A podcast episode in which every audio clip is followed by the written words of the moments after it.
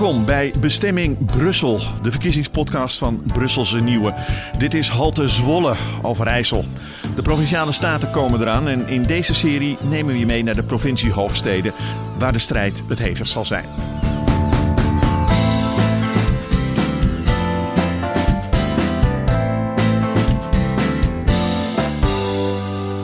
We bespreken iedere aflevering met twee statenleden, eigenlijk twee kandidaten, de belangrijkste regionale thema's van stikstof, klimaatverandering, economische scheefgroei, Oekraïne en China. Maar meer dan ooit gaan deze verkiezingen ook over Brussel, dat in steeds grotere mate het provinciale beleid bepaalt. Hoe gaan de partijen daarmee om? Wij maken deze podcast als Brusselse Nieuwe samen met het Huis van de Nederlandse Provincies. Fijn dat je luistert. Mijn naam is Bert van Sloten. Mijn naam is Yves Lecroix. Die zit naast mij. En onze eerste stop is dus vandaag in Overijssel. Uh, we nemen het op in het provinciehuis uh, in Zwolle. En we hebben twee gasten. Rick Brink, lijsttrekker voor uh, het CDA. En we hebben ander, als andere gast Carla Evers, lijsttrekker voor Boerburgerbeweging BBB. Zeg je liever de afkorting of de hele naam? Mag voor mij allebei. Het mag allebei. Um, en en, en, en ik, ik zei al je, maar mogen we tutoyeren of gaan we foefoyeren? Wat hebben jullie, dat is nog neutraal, het liefst? Nou, laten we gewoon tutoyeren. Dat lijkt me prima. Dat lijkt mij ook het, uh, het gezelligst en het prettigst. Oké. Okay. Nou, welkom uh, in ieder geval. Um, Carla, om, om, met jou te beginnen. Uh, de eerste provinciale verkiezingen voor BBB. Spannend lijkt mij. Um, ga je de buurman leeg eten? De buurman leeg eten. Wat ja, dat is een politieke uitdrukking. Oh ja, ja, ja, ja. Nou, nou dat politiek is... doen ook een oh, beetje. Ja, nou, dat moet ik dus allemaal nog een beetje leren. Want uh, ik, ik ga voor het eerst de politiek in. Ik heb die uitspraak echt nog nooit gehoord. dus uh, ik ben niet van plan uh, Rick leeg te gaan eten. Ik denk dat we het met elkaar blijven doen in ja. Overijssel. En dat is wel onze intentie. Rick, had Carla niet eigenlijk gewoon bij jullie moeten zitten bij het CDA? Ja, nee, iedereen is welkom bij het CDA. Dus ook uh, Evers, nee zeker. Um, uh, nee, maar ik ben het wel heel erg met uh, eens. We moeten het echt samen doen. En dat is ook een beetje hoe wij hier in Overijssel werken. en dat geldt ook voor de huidige staten, fracties die er zitten. En je hebt altijd wel het besef dat je samen moet werken om de provincie naar een hoger niveau te krijgen. maar terugkomen op de vraag, iedereen is welkom bij het CDA. Dat zei ik al. En zeker ook mevrouw Evers. Ja. Hoe zien jullie Europa eigenlijk? Als ja, subsidielui lekkerland of als de regelfabriek, Rick? Nou, ik zie het een beetje als een, uh, als een combinatie. Uh, en wat wij altijd heel goed doen, denk ik, als we wat proberen goed te doen, is dat we goed proberen samen te werken ook met onze Europarlementariërs die in Brussel namens onze partij daar zitten. Eh, noem het Tom Beretsen, noem het Annie Schreier, hè, waar we echt gewoon goede contacten mee hebben. En waar onze gedeputeerde ook echt vaak de verbinding zoekt. Hè, als het gaat om nou ja, ondernemers die in de knel komen of in de knel raken. Hè. Het gaat ook vaak over vestigingsklimaat of subsidies die dan worden verstrekt. Hè, waar in sommige landen het wat oneerlijker gaat als bij ons. En waar de ondernemers ook wel soms eens wegtrekken. Hè? Bijvoorbeeld uh, Apollo Vredestein uh, in Enschede is daar een, is daar een ja, voorbeeld van. De fabriek, die is naar ja. Hongarije gegaan. Ja, precies, naar Hongarije gegaan. Nou, dan is het belangrijk dat je met Brussel contact opneemt. En dat heeft onze gedeputeerde Eddie van Heijem destijds ook gedaan. om te zorgen dat je daar een gelijk speelveld krijgt. En niet iedereen hier, hier, hier weglegt. Ja, en Carla, hoe zie jij dat? subsidiefabriek, subsidielui lekkerland, zal ik maar zeggen, of regelfabriek? Nou, wat ons betreft is het op het moment wel een beetje te veel regelfabriek, moet ik zeggen. Uh, wij denken dat uh, Europa erg belangrijk is, zeker voor Nederland. Handelsland Nederland is Europa hartstikke belangrijk. Maar ik denk wel, of wij denken wel dat het wel belangrijk is dat ze de dingen blijven doen uh, waar ze voor zijn. Dus inderdaad zorgen dat we met elkaar zaken kunnen doen. Maar ze hoeven niet echt alles over te nemen wat we in Nederland en soms zelfs in de regio ook kunnen regelen. We gaan zo naar ons eerste hoofdonderwerp, maar dat leiden we in met een reportage. Want na bijna een jaar oorlog zijn ook hier de gevolgen van de situatie in Oekraïne goed voelbaar. De maakindustrie wordt hard geraakt door hoge energieprijzen. We gaan naar buiten dus met onze verslaggever Liewe en die sprak met de eigenaar van Polderstaal in Emmeloord. Van buiten lijkt het op een grote container, blauw met een uh, oranje streep. Het zijn drie productiehallen. Binnen maken ze stalen onderdelen en wordt er gelast.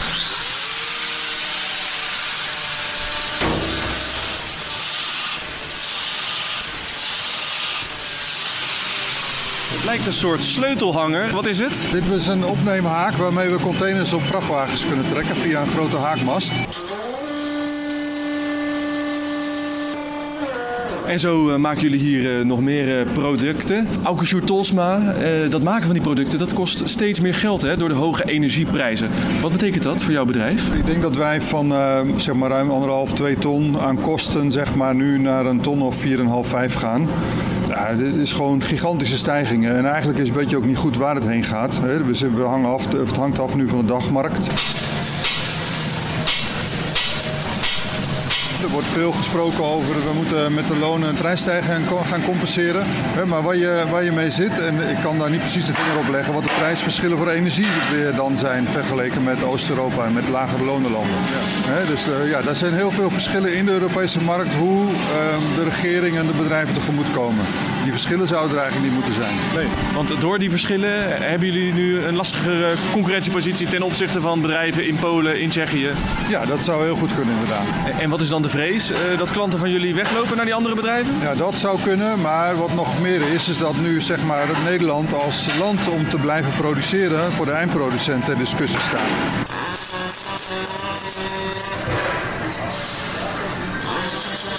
Nu hebben we één Europa, één Europese markt. Dat is toch ook marktwerking? Het punt is een beetje dat uh, we willen als Europa de, de minder economisch ontwikkelde gebieden graag helpen. Nou, dat is op zich goed. Maar wat je ziet is dat je daar waar wij machines kopen van anderhalf miljoen euro, dat ze daar de helft gesubsidieerd krijgen. En dat maakt de verschillen ontzettend groot. We lopen langs eh, de verschillende productieruimtes.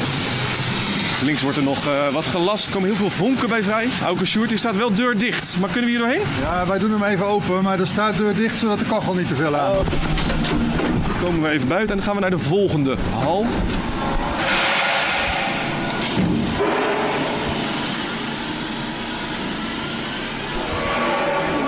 In de volgende ruimte even naar een uh, ja, soort kantoortje in uh, de fabriek soort regieruimte lijkt het wel. Wij moeten procesinnovatie doen. Hè? En die procesinnovatie, uh, ja, dat begint hier, uh, maar samen met de mensen op de vloer. Daar moeten we kijken van hey, wat kan er beter, wat kan er gemakkelijker, hoe kunnen we dingen beter de eerste keer gelijk goed doen. En hoe kunnen we nou ja, die hele voorbereidingstijd korter krijgen? Want jullie zijn voor deze procesinnovatie ook naar Brussel geweest hè, voor uh, subsidie. Ja, leg eens uit, wat hebben jullie daar gevraagd? Waar we in Brussel voor geweest zijn, is um, daar nog een keer duidelijk maken hoe belangrijk het is om de kleinere bedrijven, de MKB, maakindustrie, om die um, te helpen, te stimuleren, die procesinnovatie op gang te brengen en voor elkaar te krijgen. Om dingen steeds beter te doen en misschien ook weer met minder energie, hè, uh, maar ook met nou ja, minder mensen die beschikbaar zijn, toch te gewoon heel goed te kunnen blijven, blijven produceren. En de concurrentiepositie van onze klanten daarmee op orde te houden. Ja, dus het lost eigenlijk drie dingen op: de hoge energieprijzen, ja. de personeelstekorten en de concurrentiepositie met andere Europese landen. Ja, daar kunnen we allemaal verbeteringen realiseren. Dan lijkt me toch dat Brussel gelijk ja zegt. Ze waren heel enthousiast en ze zeggen: joh, er kan veel meer dan dat er in Nederland wordt gedaan. Dus uh, zorg dat de Nederlandse regering uh, in, in beweging komt. Nou ja, dat is de volgende stap waar we mee aan de gang moeten.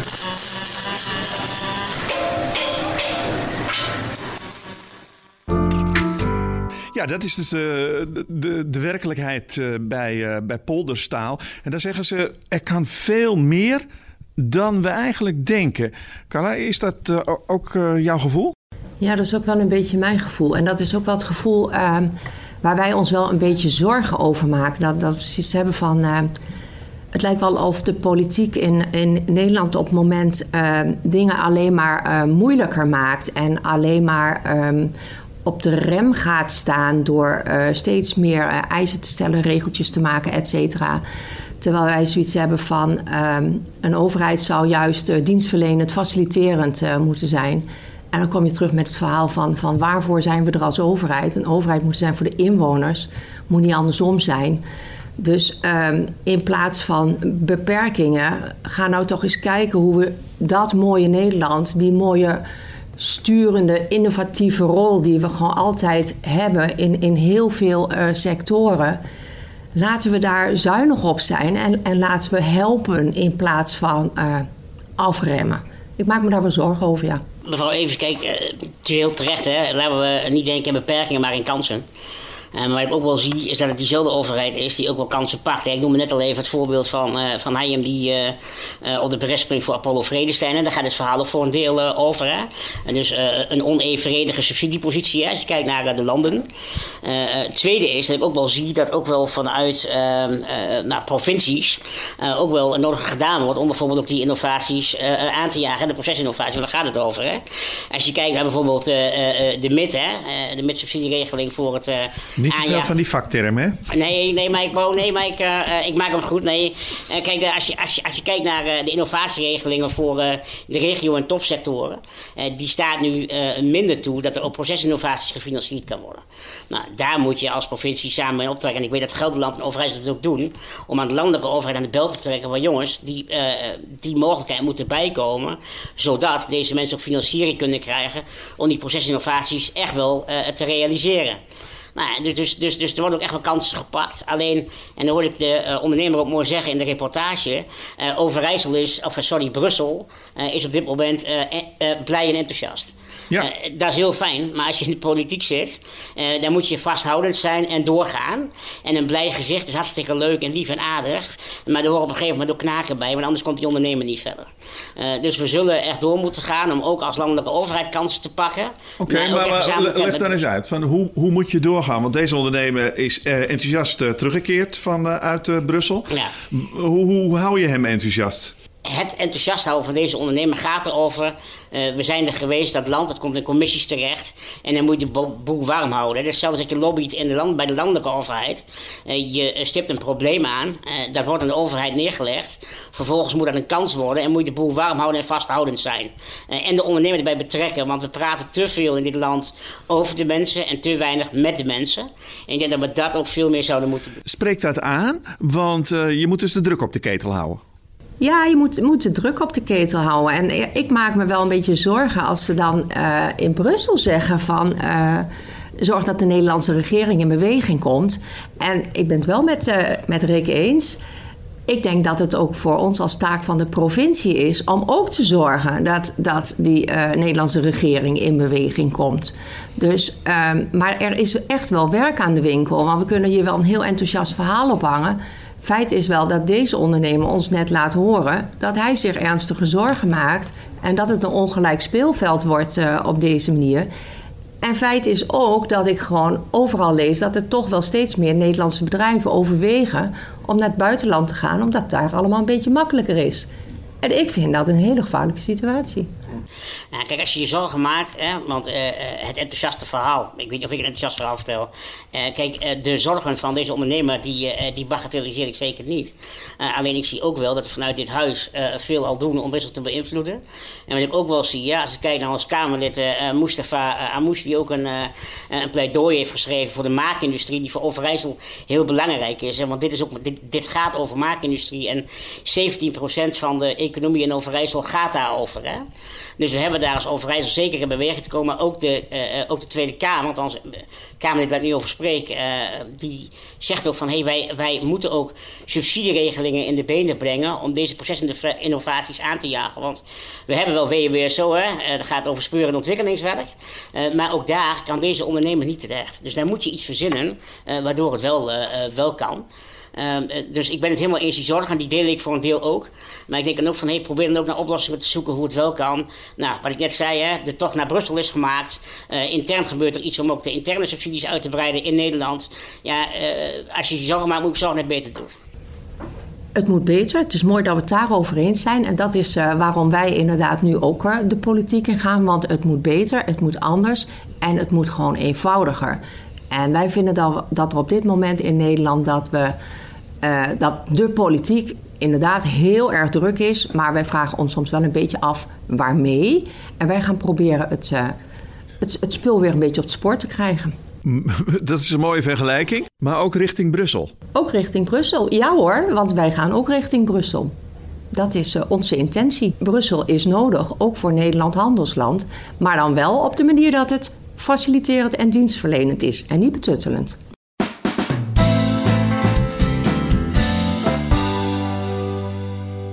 Gaan we het hebben over stikstof of gaan we het hebben over de bescherming van de natuurgebieden in uh, Nederland? Wat is het onderwerp eigenlijk?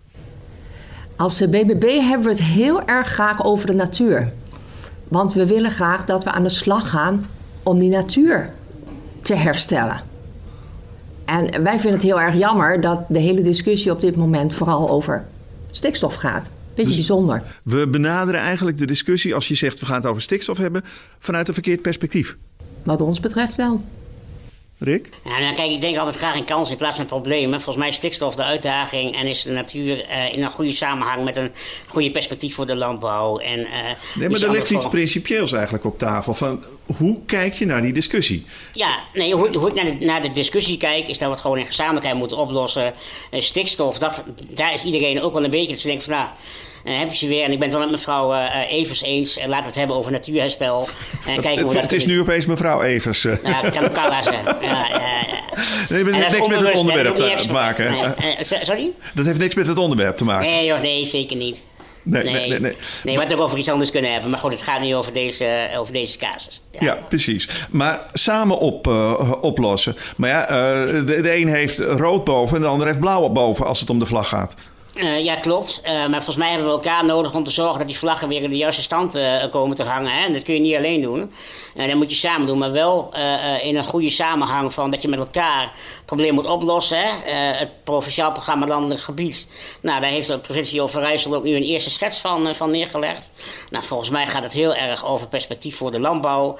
Ook samen zorgen dat je die samenhang hebt van natuur, grond, water, sociaal-economisch perspectief. We hebben ook gezegd, die 2035, eh, eh, of sorry, die 2030 is voor ons echt geen heilige graal. Dat is een ambitie uit het eh, co- coalitieakkoord. En wij ho- houden ons aan de wet. Dan hebben we het over 2035. Eh, ook om juist om te zorgen dat we die boeren eh, op een goede manier kunnen helpen met het transformeren naar nieuwe vormen van landbouw. Want met name in Twente hebben we echt een hele grote uitdaging. Maar daar moet je wel goed bij helpen. En in Overijssel doen we dat altijd in gezamenlijkheid.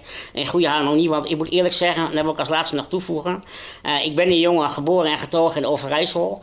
Eh, als ik een snelweg nodig heb en ik moet naar huis, dan draai ik er bij Dalsen zo ongeveer af. Eh, dan zie ik, net als in heel veel plekken, eh, de vlag eh, eh, in de omgekeerde volgorde aan de, eh, aan de masten hangen. Eh, eh, dat raakt mij. Dat moeten we met elkaar oplossen. En als kan zo snel als mogelijk. Raakt het u ook?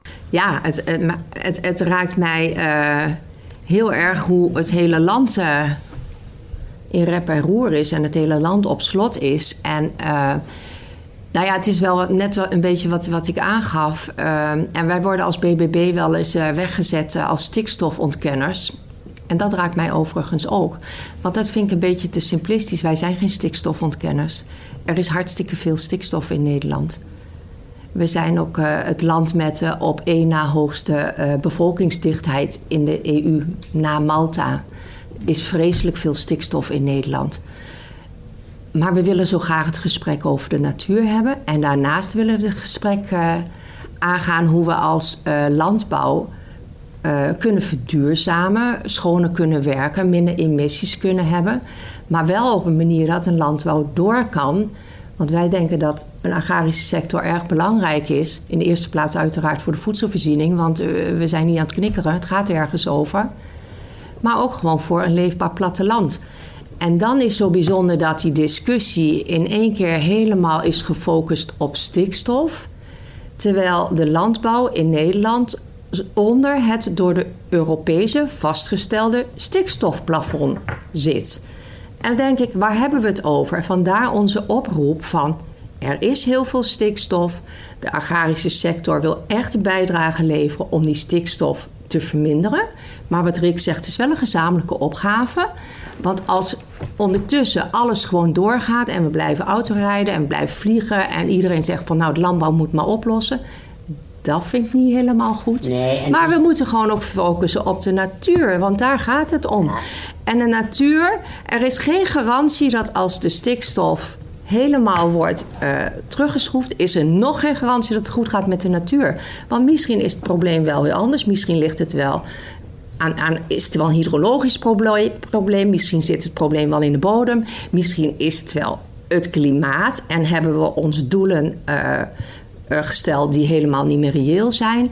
Dus wij hebben zoiets van: wat is nou het punt? En dan is het punt natuurherstel, laten we dan focussen op natuurherstel. En laten we daar gewoon echt heel erg serieus en heel hard mee aan het werk gaan. Ja, ik denk ook wel dat, hè, want uh, het is ook niet alleen een opdracht van die landbouw. Hè, het is een opdracht van meerdere sectoren. Hè. Ik kom zelf uh, uit een uh, familie waar een transportbedrijf een grote rol speelt. Ja, ook die hebben een opdracht. Hè, net zoals wij allemaal een opdracht hebben.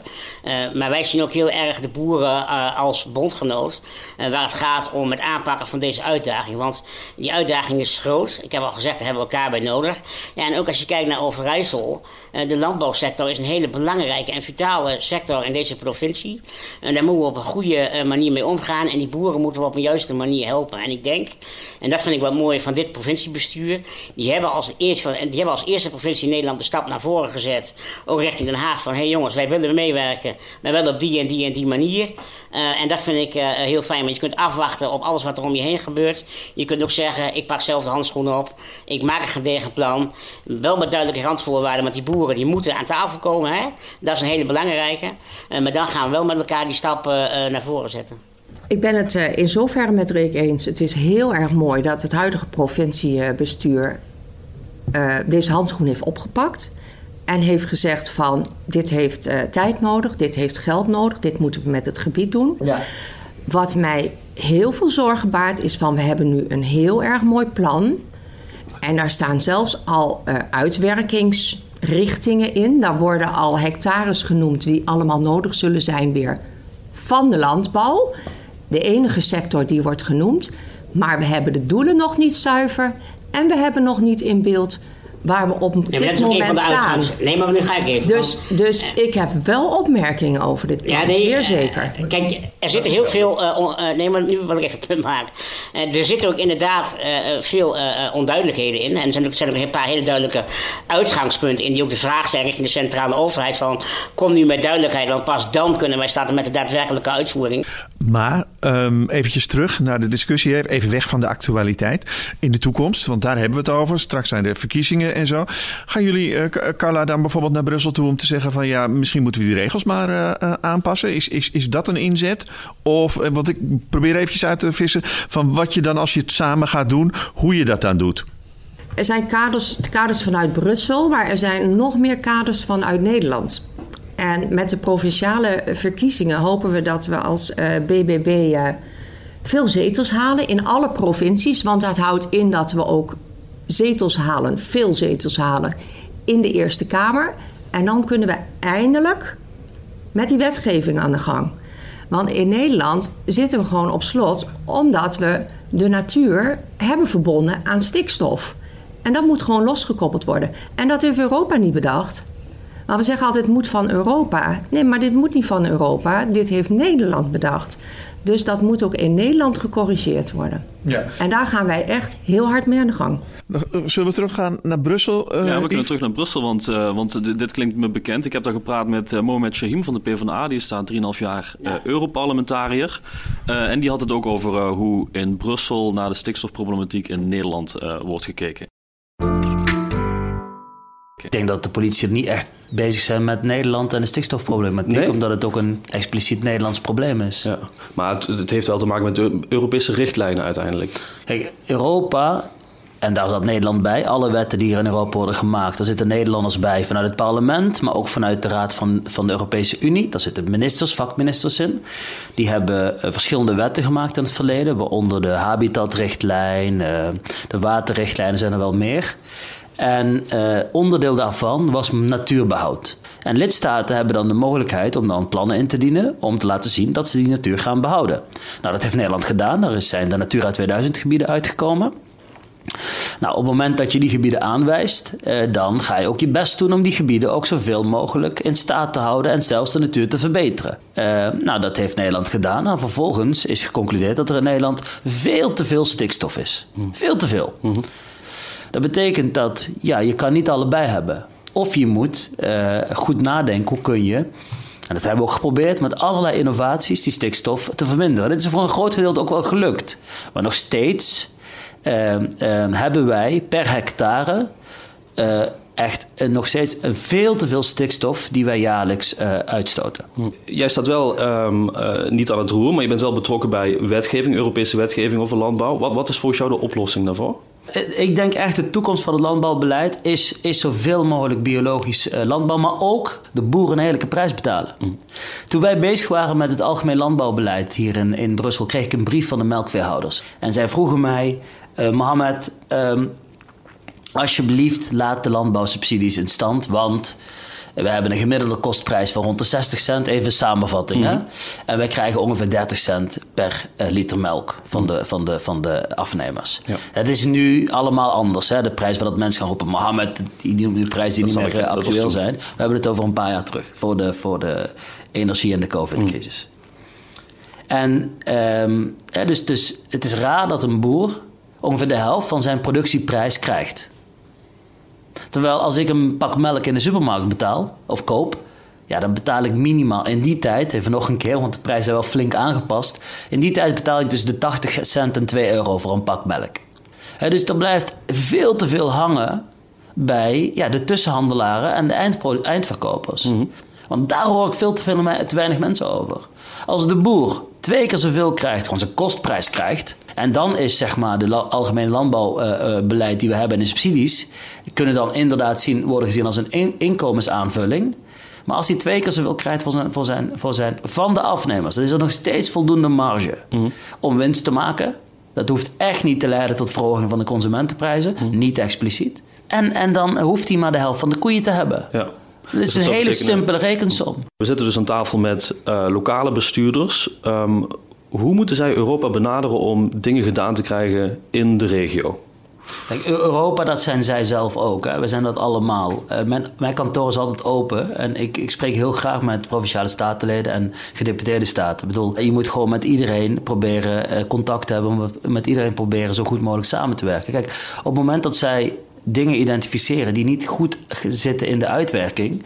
Uh, van bijvoorbeeld regelgeving, uh, ja, dan is dat gewoon belangrijk om, om ons daarvan, uh, daar ons op te wijzen. Ik bedoel, ik ben zelf ook lokaal actief geweest. Ik weet dat vaak lokaal dingen op een andere manier landen dan dat wij, dat, dat mensen bijvoorbeeld in Den Haag of, of in Brussel denken. Mhm. Maar laat je niet te snel afserveren met dit moet van Europa of dit mag niet van Europa. Wat, wat vinden jullie van het advies van Mohamed? Dat laatste over uh, hoe benader je Europa? Dat vind ik een goed advies. Ja, ja jullie gaan dat ook doen? Dat, uh, ja, dat gaan wij ook doen. Ja, maar je moet, kijk, je moet je in de politiek nooit laten wegsturen, ook niet door mensen van je eigen partij. Hè? Ik heb zelf ook een tijd in de gemeenteraad gezeten. Nou, dan ben je raadslid, heb je een wethouder. Nou, door een wethouder moet je ook niet laten wegsturen. Hè? En dat moet je in deze verhoudingen ook niet doen. Uh, dus je moet altijd gewoon, dat heb ik in de eerdere bijdrage ook al gezegd, vasthoudend zijn doorgaan. Uh, en dat vind ik een goed advies. Wat ik ook goed vind is, uh, hij zei ook iets over, over het biologisch boeren. Hè? Nou, als je kijkt naar het aantal biologische boeren in Overijssel is het afgelopen jaar flink toegenomen. Hè? Dus dat is ook wel, wel goed. En, en ja, echt, echt, echt wat hij zegt. Ja, die Natura-gebieden die hebben we en hebben we ook, ook mee te dealen. Want ook al zou ik het willen, die ga ik niet meer terugdraaien. Ja. Nu, Carla, hij had het ook over um, dat boeren niet uh, de kostprijs betaald krijgen. Dat ze echt onderbetaald krijgen. En dat daardoor de subsidie deel wordt van hun uh, businessmodel eigenlijk. Merk je dat ook? Ja, dat, dat merken we ook wel. En dat is, dat is eigenlijk best wel een heel gevaarlijk iets natuurlijk. Want elke keer wordt er dan, dan gezegd van... Uh, het, uh, er moet een betere prijs betaald worden. En, en dat, dat is ook echt zo. Alleen dat is natuurlijk best wel onhandig in een, in, in een open maatschappij, zeg maar. Want van de andere kant is het voor een, een boer, is een ondernemer natuurlijk. En die wil niet afhankelijk zijn van subsidies. Dus dit is gewoon echt wel een, een zoektocht van hoe ga, je nou de goede dingen doen? Hoe ga je nou zorgen dat je uh, een, een, boer wil gewoon met werken zijn brood verdienen en die wil graag een mooi en een goed product uh, uh, produceren en die wil daar goed voor betaald worden. En dit is gewoon op dit moment de zoektocht in een, ehm, eigenlijk een, een wereld, een, een handelswereld, waarin uh, verschillende eisen aan de producenten worden gesteld. En, en dat is waarom we ook als BBB ons er zo hard voor maken dat um, als er voedsel wordt geproduceerd of wordt geïmporteerd in Nederland, dat dat aan dezelfde eisen moet voldoen dan uh, de eisen waarin je, waaraan je je als Nederlandse producent moet uh, houden. Het is gewoon een zoektocht. En het klinkt altijd wel heel erg mooi. Van, en dan moeten we maar biologisch. En dan, dan moeten we maar eh, minder vee. En dan, dan moeten we maar dit. En dan moeten we maar dat. Boeren willen wel. Boeren hebben gewoon altijd laten zien dat ze zich willen aanpassen. Maar wij zijn gewoon nu bezig met zo'n. Er is een, een soort, uh, ik noem maar dat een mammoetanker, die, die is onderweg. Sinds de Tweede Wereldoorlog, sinds er het credo was van, van nooit meer honger. En we weten met z'n allen dat het op een andere manier moet. En ik zie in de agrarische sector dat er heel erg veel verandert. Maar we kunnen niet van vandaag op gisteren 180 graden draaien. Dus het moet allemaal wel reëel zijn. Het moet wel kunnen. dan ga ik even onderbreken. Want kijk, en daarom is het goed dat gewoon die plannen, hè, dat, we, dat, dat we daarvan ook zeggen van hé, hey, uh, faciliteer nou 30 jaar hè, om ze ook te helpen met transformeren. Want helemaal eens, uh, dat kun je niet van vandaag op morgen uh, veranderen. Als het dan gaat om eerlijke prijzen. Hè, een tijd geleden stonden hier heel veel boeren die voor op het plein van het provinciehuis. En wat ik daar zie in de ogen van mensen is wanhoop. en het symbool van die vlaggen die ondersteboven hangen, dat gaat ook over wanhoop.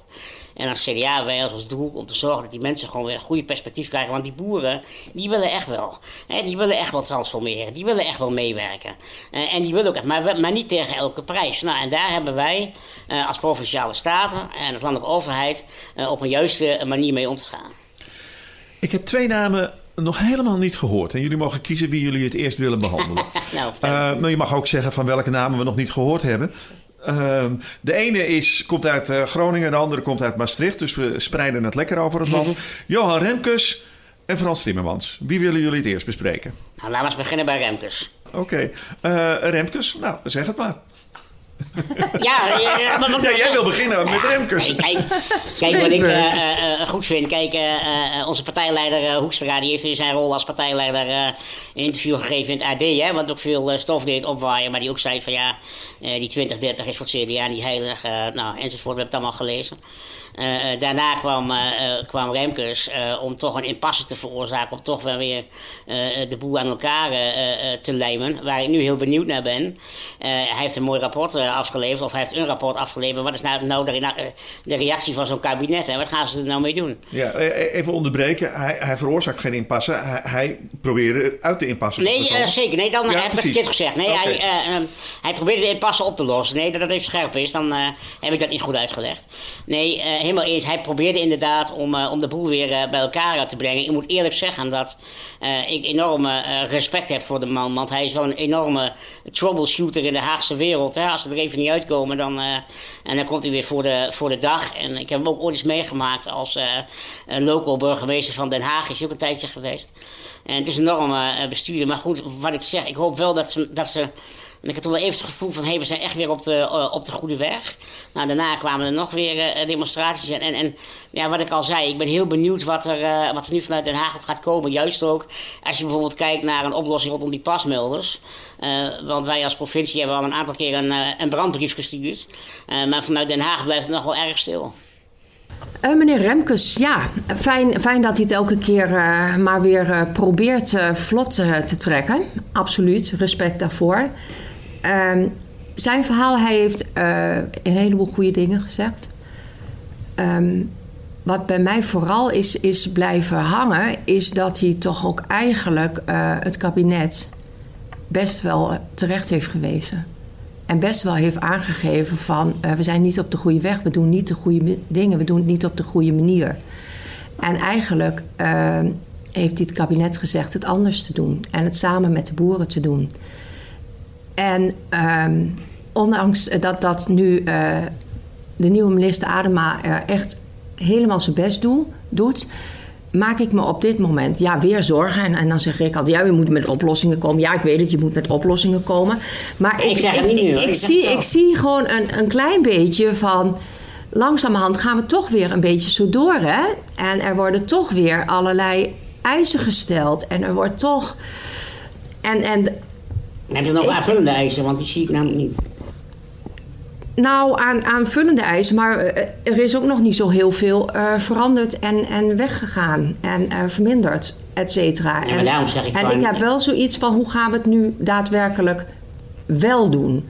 Dus ik hoop eigenlijk, eigenlijk hoop ik dat die toespraak die uh, de heer Remkes hield op 5 oktober, Misschien moeten ze dat in de Tweede Kamer gewoon nog eens een keertje op een groot scherm even afdraaien. En dat iedereen gewoon even stil is en even kijkt en nog eens een keer diep slikt en denkt van, oh ja, wij kregen die tik om de vingers. En hoe gaan we het nu daadwerkelijk met die boeren doen?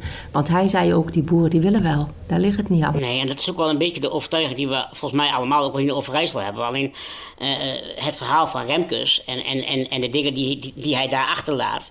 En zijn ook met name de antwoorden waar je vanuit de provincie natuurlijk op wachten. Hè? Dat zijn ook de uitgangspunten die uit die PPLG uh, blijken. En waar wij ook wachten op antwoorden. Voordat wij inderdaad ook verder kunnen met die, met die, met die, met die plannen. En dan hoor ik ze in de Tweede Kamer ook stuiteren van... ja, wat nou als Overijssel 5 miljoen vraagt, wat gaan die andere... of 5 miljard vraagt, wat gaan die andere provincies dan wel niet vragen? Ja, dat vind ik een beetje makkelijk. Uh, want het gaat erom dat je uh, een stap vooruit zet. En dat je ook probeert om het kabinet te bewegen om voor die boeren het goede te doen. En dat is het verhaal. Eigenlijk een soort heimwee naar, naar Remkes. Die, moet misschien maar weer terugkomen. Maar die andere naam dan. Frans Timmermans. Uh, de man die met de ene klimaatwet naar de andere komt uit Europa. Richtlijnen heten het dan enzovoort. Het moet hier worden omgezet. Maar wat is het gevoel bij hem? Nou, je kunt niet zeggen dat meneer Timmermans geen plannen heeft. Wat dat betreft echt uh, complimenten. Mooi dat je zoveel mooie plannen kunt hebben. Alleen, ik, uh, het, moet, het is wel belangrijk dat plannen ook een beetje reëel zijn natuurlijk. Hè? En het is fantastisch dat je doelen stelt en dat je ergens naartoe werkt. Maar het is wel heel erg makkelijk om allerlei doelen uh, over schuttingen te gooien. En red je er maar mee. Uh, volgens mij uh, hebben we best wel problemen op dit moment uh, in Europa. En is het niet allemaal overal holla de En als je dan alleen maar bezig blijft met doelen op elkaar te stapelen, ik vind dat niet zo heel realistisch. En het werkt mijns inziens ook een beetje contraproductief. Want we willen graag iedereen in beweging krijgen. We willen graag dat iedereen meedoet. Maar nu is het wat we ook doen, het is nooit goed genoeg. En daar krijg je niet echt een, een meewerkende uh, uh, mensen van. Dus ik vind die zo handig. Nee, eens. En, en wat je ook niet krijgt is, hè, kijk, we hebben het gehad over stikstof zojuist. Uh, en, en dan moeten we reduceren. En dan is dan maar de vraag, hè, 20, 30, 35, daar hebben we het ook over gehad. En wat wel belangrijk is, we, hebben ook nog, hè, we willen in dit land ook graag woningen bouwen. Hè? Uh, uh, en we willen ook graag, dat vinden wij heel belangrijk en traditioneel, we willen ook nog maar een paasvuur, uh, of sorry, een, ja, een paasvuur afsteken. Hè? Omdat we dat heel belangrijk vinden. Als ik nu een paasvuur wil afsteken, dan moet ik eerst opgeven wat dat doet aan stikstofemissie. Hè? Ah, jongens, come on. Dan, dan dragen we met elkaar wel een beetje door. Hè? En, en, op het moment dat wij denken dat we een beetje weer op de rails zitten en er komt weer een, een plan van boven. Kijk, duurzaamheid vinden wij ook belangrijk. Hè? Laat dat helder zijn. Alleen dan kom je ook weer terug op wat we eerder zeiden. Dat kan niet met een knippende vingers. Hè? Dat is een langdurig traject. Daar werken we met elkaar ook aan. Maar als we tijdens de wedstrijd iedere keer de spelregels gaan veranderen of er een nieuwe bij verzinnen, ja, dan wordt het wel heel lastig. Het tegenargument vanuit uh, Timmermans en, en, en uit Brussel is dan van we moeten wel, want we hebben akkoorden van Parijs. We hebben afgesproken dat we het inderdaad uh, zo, uh, zo gaan doen. Ja, en dan voel je het bij jullie onder andere in de provincies. Ja, ja, ja. ja en dan zeg ik op mijn beurt, dan voelen we het inderdaad in de provincie. Uh, en dan proberen wij ook vanuit die provincie uh, om die uitdaging gewoon aan te gaan. Uh, nou, en dat is een beetje hoe ik er naar, naar kijk. En daar hebben we heel veel werk te doen, deze provinciale staten. Als ik er toch van de gelegenheid gebruik mag maken. Um, uh, ga ook vooral stemmen, hè, tegen, ook tegen alle inwoners van Overijssel. Want het gaat deze keer echt ergens over. Uh, en ga vooral stemmen, want het is gewoon echt gewoon super belangrijk. Want uh, duurzaamheid, woningbouw, stikstofopgaves. Ja, weet je, ik heb me wel eens afgevraagd, heel vroeger toen ik een jonge puber was, van waar gaat die provincie nou eigenlijk over? Nou, die gaat deze periode wel degelijk ergens over. dus ontzettend belangrijk, want de vorige keer was volgens mij... hebben minder dan de helft van de stemgerechtigden gestemd in Overijssel. Ja, dat moet toch echt wel een beetje omhoog. Ik uh, onderschrijf de oproep van Rick. Ga alsjeblieft stemmen. En laten we zorgen dat we weer een overheid krijgen die er is voor de inwoners. Ja. En niet andersom. En ook een overheid die ervoor waakt dat doelen realistisch en haalbaar en betaalbaar zijn. En dan, na de stembusgang, uh, dan moet je een college vormen. Gaan jullie bij elkaar uh, zitten in het college? Is, uh, ooit bogen we niet naar links en misschien niet naar BBB. Maar hoe, hoe zit het met het CDA? Bereid met iedereen te regeren, dus ook met BBB? Wat het CDA nu past, is de dingen in de goede volgorde doen. Dus we gaan nu eerst de campagne voeren. Uh, dan gaan we de verkiezingen nee, hebben. ik, ik, ken de politiek, uh, laat maar zeggen, ja, de woordvoerderslijn. Maar, maar, mijn vraag is gewoon van... willen jullie daarna gewoon met BBB uh, eh, regeren? Ja, wij sluiten niemand uit. Oké. En jullie, Carla? Wij vinden dat eerst de, de, de kiezer maar eens moet spreken. En dan, en dan, gaan we op 16 maart, denk ik, hier in de provincie de balans opmaken. En wij sluiten ook niemand uit. En wij vinden het heel erg belangrijk dat we ons met elkaar, en daar mag iedereen wat mij betreft aan meedoen, dat we ons uh, inzetten voor een, eh, een blijvend mooie provincie. En dan moeten we echt met elkaar het gesprek aan blijven gaan. Ja, ik moet wel eerlijk zeggen dat we mevrouw Evers is nieuweling in de politiek, maar het zeggen van eh, ook weer die gang naar die stembus en zo en campagne voeren. Nee, het zit er al goed in. Ja, dat gaat prima. Volgens mij zit het in de DNA van mensen die de politiek ingaan in uh, Nederland. Zeker, maar goed. Zeker. Hey, dank jullie wel. Tot zover deze aflevering van uh, Bestemming Brussel. Onze gasten waren vandaag CDA-lijsttrekker Rick Brink en de lijsttrekker van BBB eh, Carla Evers. Kijk voor meer Brussels nieuws ook op onze website brusselsenieuwe.nl. Let op, daar vind je ook namelijk informatie over het uh, verkiezingsdebat. Het slotdebat is op 15 februari in Brussel. Aanmelden kan al. En Yves, wij gaan naar het zuiden. Uh, voor Limburg is dat niet uh, zuidelijk genoeg nog. We gaan naar Noord-Brabant. We gaan naar Noord-Brabant, oké. Okay. Uh, Yves komt uit Maastricht. Maastricht, ja, we gaan naar Noord-Brabant. Daar is de volgende halte van deze podcast. Dank voor het luisteren en tot de volgende keer.